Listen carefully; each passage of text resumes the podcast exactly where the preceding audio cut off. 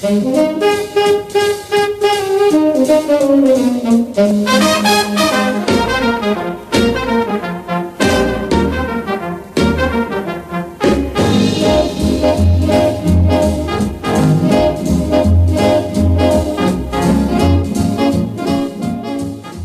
ascoltatori, ben ritrovati a Dixie Club per quest'altra puntata dedicata ai pianisti jazz.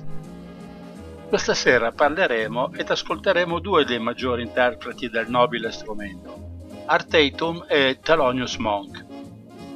Art Tatum nasce a Toledo, nell'Ohio, nel 1909. Fin da bambino è affetto da cataratta che lo rende parzialmente cieco da entrambi gli occhi.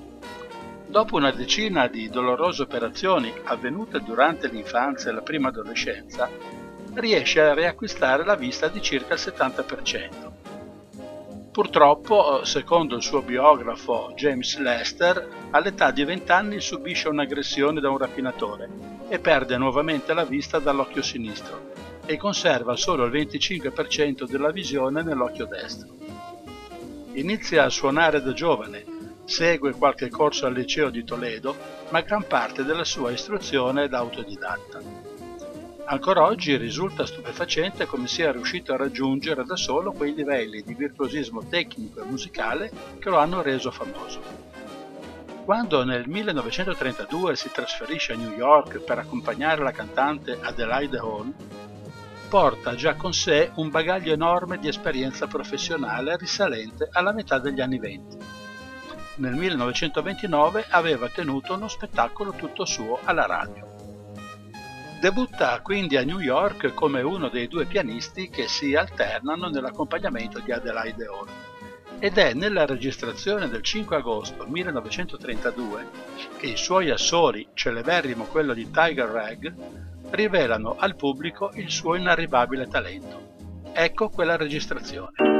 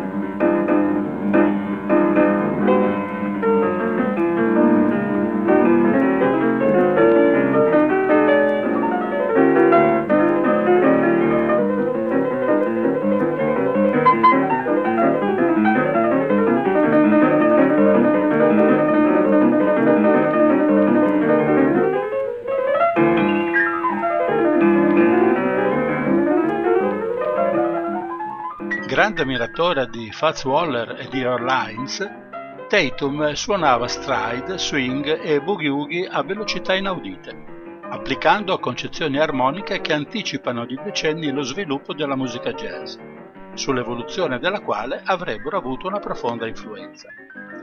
Nei suoi primi anni a New York, Charlie Parker ebbe modo di ascoltare Tatum e scelse deliberatamente di lavorare nelle cucine dei locali dove il pianista si esibiva per ammirarne la tecnica e lo stile. I suoi estimatori non si limitavano al mondo del jazz. Il compositore e pianista russo Sergei Rachmaninov, dopo che l'ebbe sentito suonare, disse che si trattava del più grande pianista vivente. Uguale ammirazione Tatum riscuoteva anche presso Vladimir Horowitz, suo grande amico. Ma Tatum non si considerò mai un pianista classico, ancorché finì per inserire nel suo repertorio alcuni brani riarrangiati nella sua caratteristica maniera.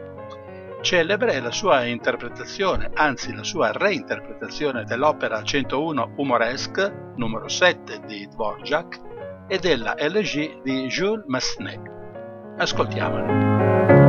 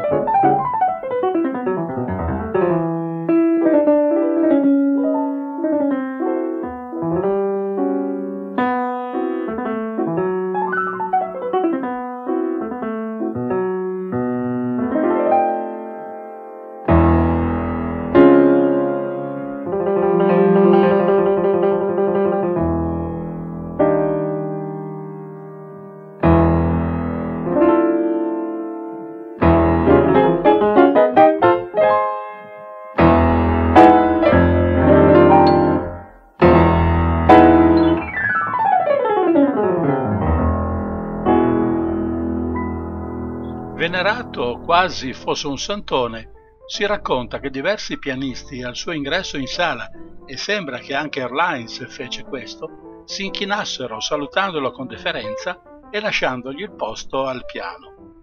Fu un vero solitario nel senso della parola.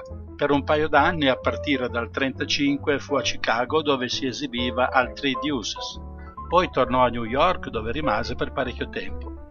Si narra che il suo momento magico arrivasse after hours, cioè a notte fonda, e se nel locale trovava un collega che lo stimolava, poteva tirare avanti per tutto il giorno successivo. Erano famosi i cutting contest, e quelli che la Mary Lou Williams tanto detestava.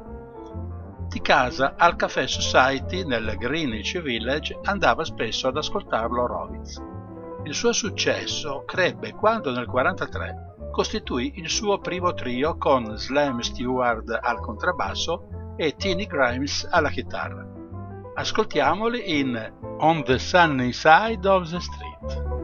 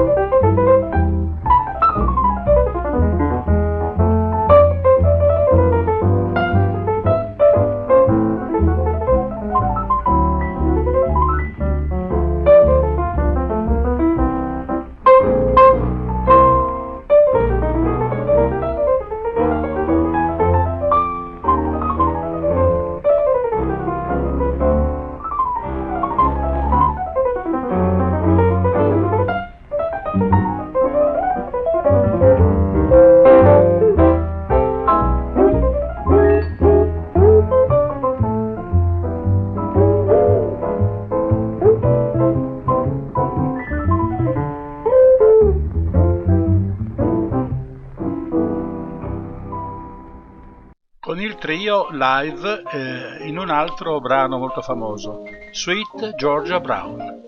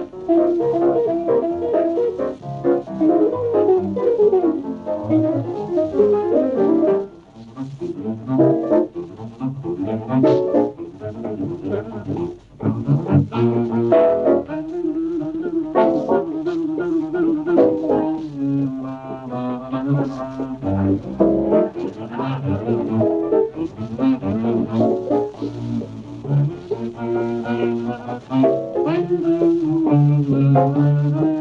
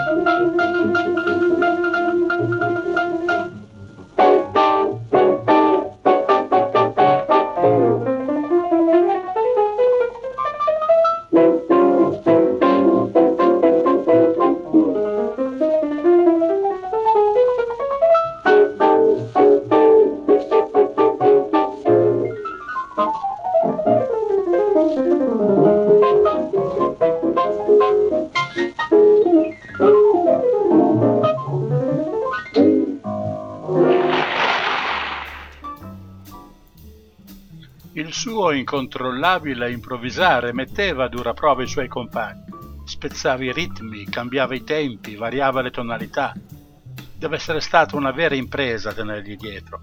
Studiava e provava diverse ore al giorno e per tenere le dita allenate rigirava continuamente una nocciola con una tale velocità che gli occhi di chi lo guardava si incrociavano. Seppure partito dalla tradizione pianistica stride, dove risente dell'influenza di grandi musicisti come Fats Waller, James P. Johnson e Willie the Lion Smith, Artatum se ne distacca decisamente, non tanto per il suo ferreo senso del ritmo scandito dalla mano sinistra, ma soprattutto per l'improvvisazione multiforme e fullambolica della sua mano destra, capace di suonare a velocità impensabili e mantenendo sempre una ditteggiatura nitida e granitica. Non dimentichiamo che non vede da un occhio e l'altro ha solo il 25% di capacità visiva. Per questo suo caratteristico e unico modo di arpeggiare con un suono dal timbro luminoso e cristallino a prescindere dal tipo di pianoforte usato, Tatum riscuoteva e ancora oggi riscuote sconfinata ammirazione dagli altri colleghi pianisti. Come improvvisatore preferiva mantenere riconoscibile la melodia del brano che affrontava, riarmonizzandolo lavorando cioè sulla progressione degli accordi, mentre sul versante melodico inseriva abbellimenti e rapidissime scale, ascendenti e discendenti, talvolta criticate come gratuite e poco jazzistiche. Incise per la Decca Records tra il 34 e il 41, per la Capitol Record tra il 49 e il 52 e poi per le case discografiche gestite da Norman Granz, dapprima Clef, poi Verve ed infine Pablo. Il periodo era 1953-1956. Su etichetta Pablo incide The Moon is Low, con Roy Eldridge alla tromba, John Simmons al basso e Alvin Stoller alla batteria.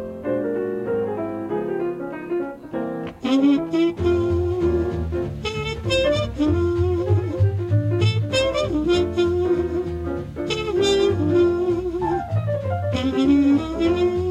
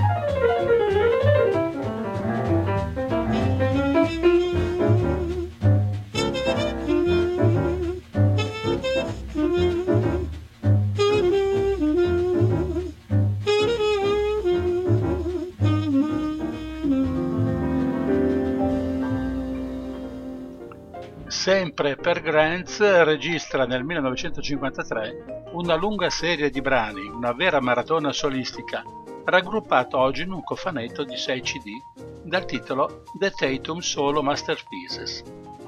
Parallelamente negli stessi anni incide con alcuni tra i migliori musicisti della scuderia granziana, riuniti in gruppi creati per l'occasione, The Tatum Group Masterpieces, eh, vari brani Tali gruppi comprendevano Roy Eldridge, Buddy Rich, Joe Jones, Harry Edison, Ben Webster, Buddy DeFranco, Benny Carter, Lion Lampton.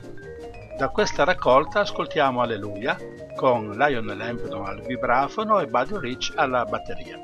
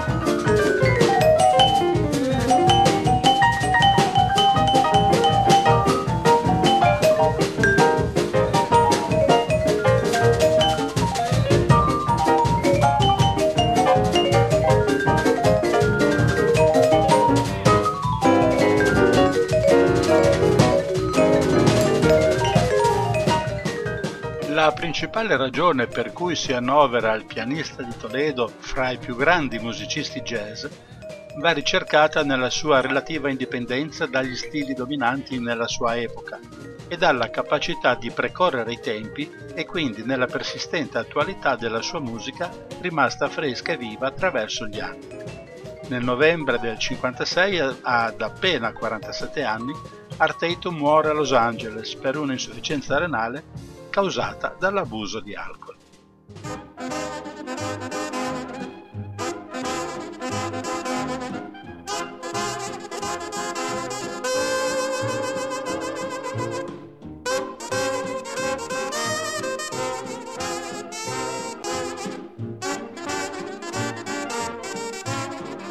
Wiki Jazz, note e curiosità intorno alla musica jazz.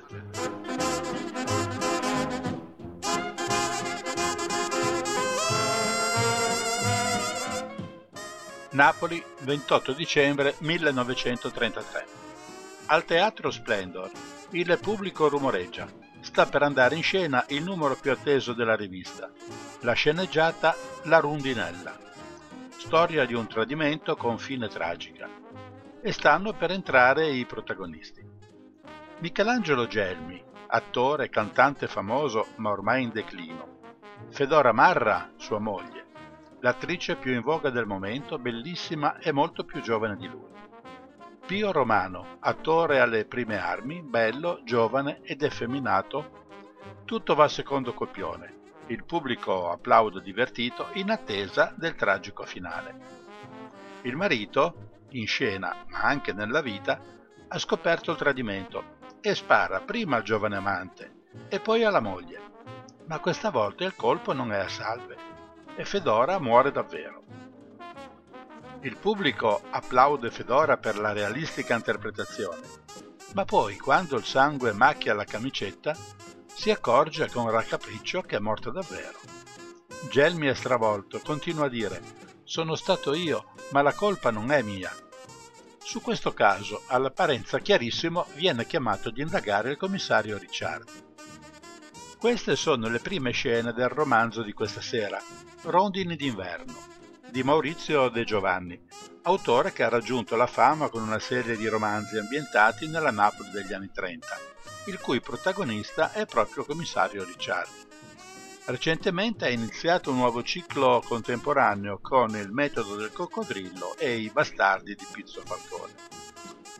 Andiamo alla nostra storia. Nella Napoli degli anni 30 non si ascoltano solo le classiche canzoni dell'immaginario napoletano, se ci spostiamo dal teatro al piano nobile di un bellissimo palazzo sul lungomare, dove Carlo Maria Fossati Berti, duca di Marangolo, e Bianca Borgati di Zisa, contessa Palmieri di Roccaspina, stanno ascoltando un disco della collezione del duca.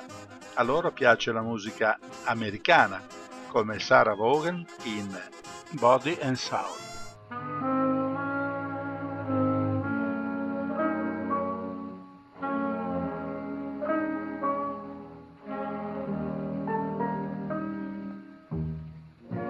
My heart is sad and lonely.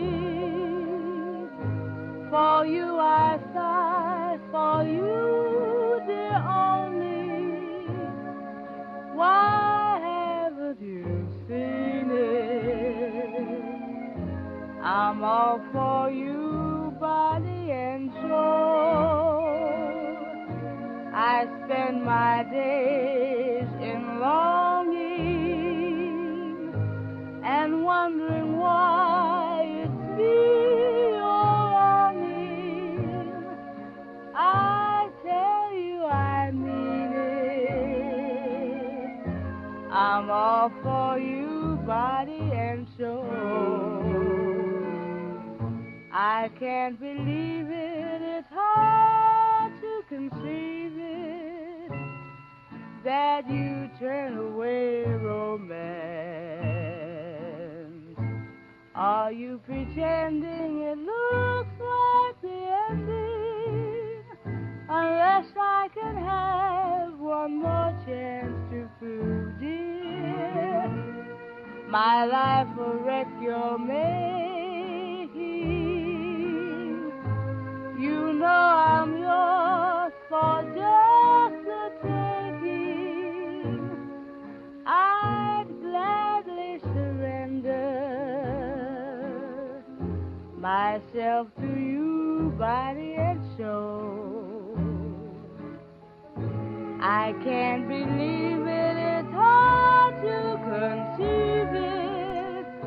Duca è una persona molto ricca e molto malata. Ama da sempre Bianca, che però nutre per lui solo una profonda amicizia. Bianca ha sposato Romualdo, che le ha dissipato il patrimonio col gioco d'azzardo. Ora Romualdo è in carcere e Bianca è innamorata, senza speranza, del nostro commissario Ricciardi. Ma torniamo al teatro Splendor. Ricciardi ha arrestato Gelmi, che continua con la sua litania. Sono stato io, ma la colpa non è mia. Sta interrogando tutti gli artisti che partecipano allo spettacolo. Dagli interrogatori emerge che la pistola era custodita da Gelmi, che solo lui la caricava a salve, e che nel suo camerino non poteva entrare nessuno. Tutti confermano che è stato Gelmi a sparare, anche se non se ne capisce il motivo. Quasi tutti dicono che la coppia andava d'accordo e che non c'erano screzi, anche se però qualcuno comincia a insinuare che Fedora forse tradiva Gelmi. Anche Erminia, la custode, conferma. Nessuno era entrato nel camerino di Gelmi. Lei aveva il compito di sorvegliare i camerini degli attori e non si era mai mossa da lì. Dunque tutto chiaro? Ricciardi non è convinto e continua ad indagare, anche se riceve pressioni dal questore per chiudere un caso così chiaro. L'immagine della coppia felice piano piano si sgretola. Si capisce che Fedora tradisce il marito, ma vi sono dubbi che costui possa aver pensato all'omicidio. Amava troppo la donna. Ricciardi scopre il complotto. Fedora aveva sedotto il violoncellista che per paura di perdere il lavoro aveva accettato le sue avance. Ma la sua fidanzata Italia, ballerina nella rivista e figlia della custode Erminia, aveva scoperto la tresca. Pazza di gelosia e d'accordo con la madre, aveva scambiato la carica salve con una pallottola vera, ma purtroppo per loro Ricciardi le ha scoperte, ma non ha le prove. Intanto siamo arrivati al 31 dicembre. Bianca, la contessa, ha strappato al commissario Ricciardi la promessa di accompagnarla ad una festa e Carlo, il duca, le ha comprato per l'occasione un magnifico vestito viola, come il colore dei suoi occhi.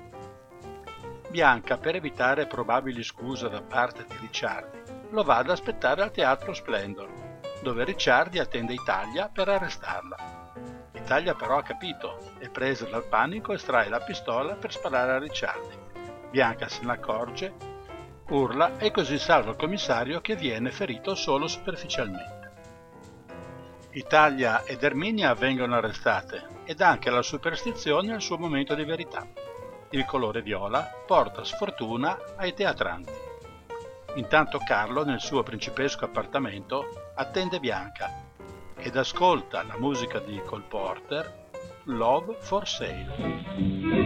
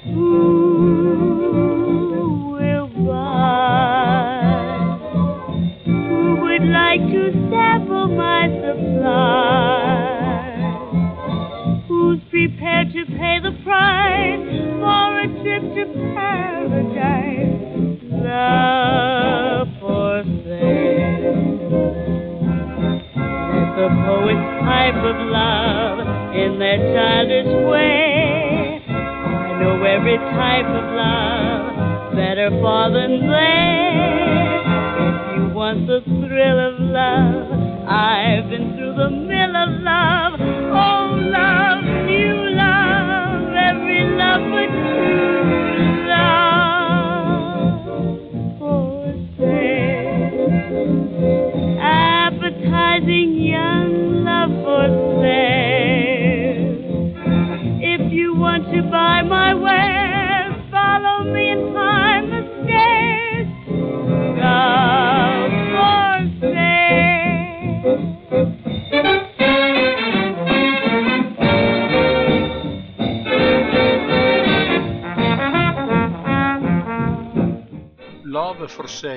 Canzone composta da Cole Porter per il musical The New Yorkers.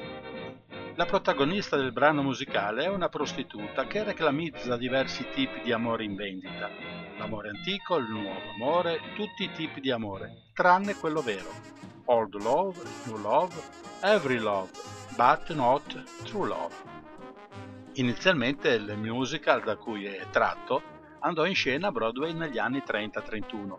Fu considerato un pezzo scandaloso soprattutto perché la parte era interpretata da un'attrice bianca che recitava il ruolo di una prostituta e nel musical la scena si svolgeva di fronte a un ristorante molto famoso all'epoca. Paradossalmente le critiche si spensero quando il copione venne cambiato ed ad interpretare il pezzo viene scelta un'attrice di colore, mentre la scena viene spostata di fronte al celebre Cotton Club di Harlem.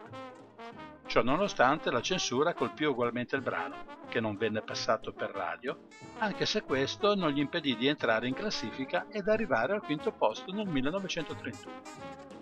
Le versioni cover di questo brano non si contano. Tra le più particolari e intense ricordiamo le interpretazioni di Arthur Kitt, Ella Fitzgerald, D.D. Bridgewater, Mia Martini ed Elvis Costello, oltre a Billie Holiday e negli ultimi anni il duo Amy Winehouse con Tony Bennett. Al prossimo week!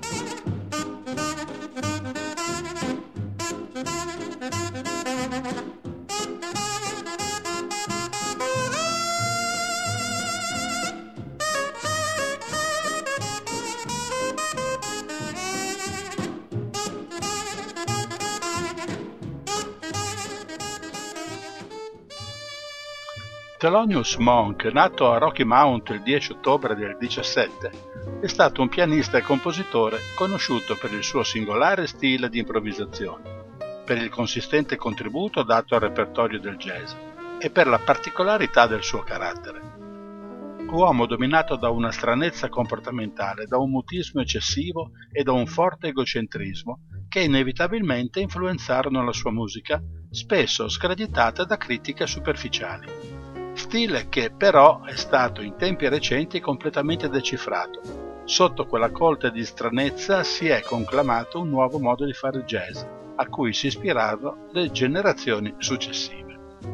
Il santone pazzo del jazz, così era anche conosciuto, ha iniziato come pianista stride e dal 39 al 42 ha suonato come house pianist nel locale Mintons, dove il chitarrista Charlie Christian e il batterista Kenny Clark gettarono le basi del jazz moderno. Durante la permanenza nella big band del trombettista ex ellingtoniano Cootie Williams, scrive Round Midnight, la sua più famosa composizione.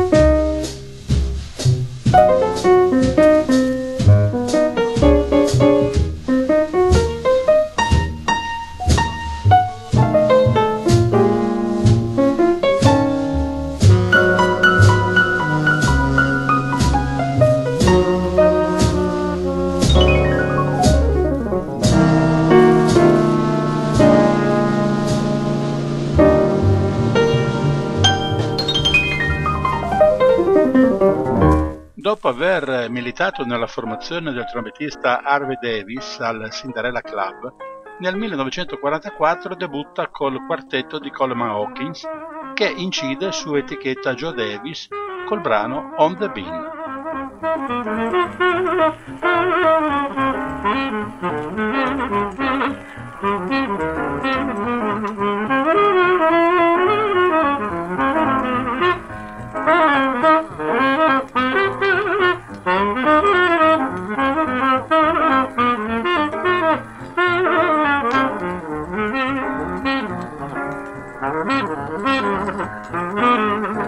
Dal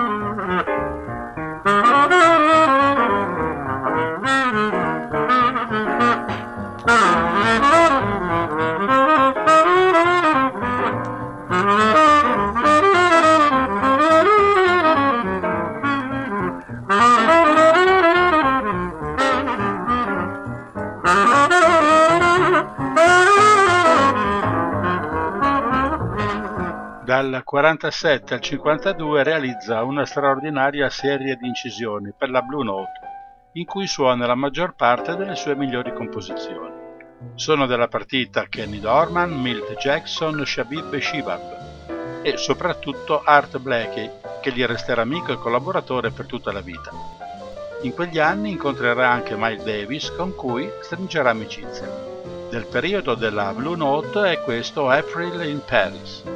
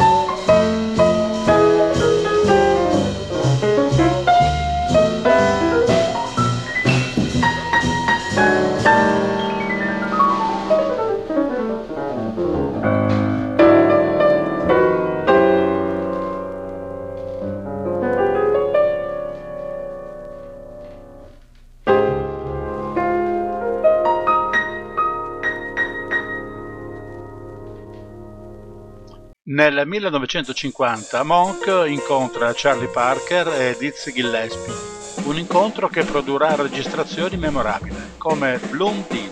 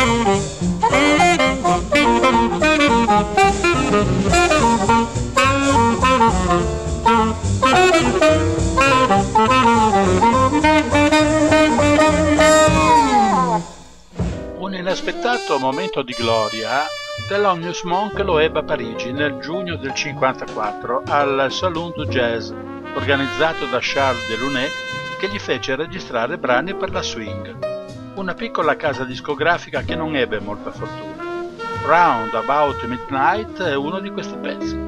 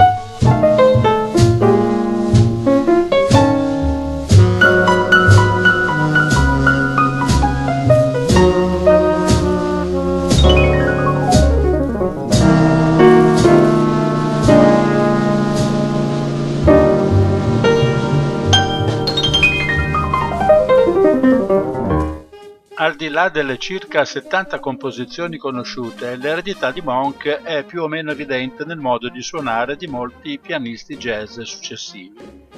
Ciò che lascia Monk è soprattutto il virtuosismo ritmico fatto di ritardi e accenti spostati, l'uso magico dei silenzi, la grande padronanza della scala cromatica.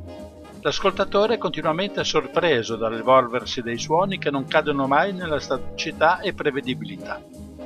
Monk ha saputo giocare con le note prendendosi gioco di esse. Non si limitava ad improvvisare sugli accordi del tema di base, ma ne reinventava la struttura armonica, facendo appello al suo istinto primitivo generando dissonanze e giochi di note che si rincorrono e si urtano in una esemplare disinvoltura. Nei suoi ultimi anni di vita si è ritirato nel New Jersey, ospite della baronessa Nika de Königswarter, senza mai suonare il pianoforte nonostante ce ne fosse uno nella sua stanza. È scomparso il 17 febbraio del 1982 per un infarto. E abbiamo concluso anche questa puntata, che spero abbia tenuto alto il vostro interesse. L'appuntamento, come al solito, è per la prossima settimana. E per tutti voi, good night and good luck.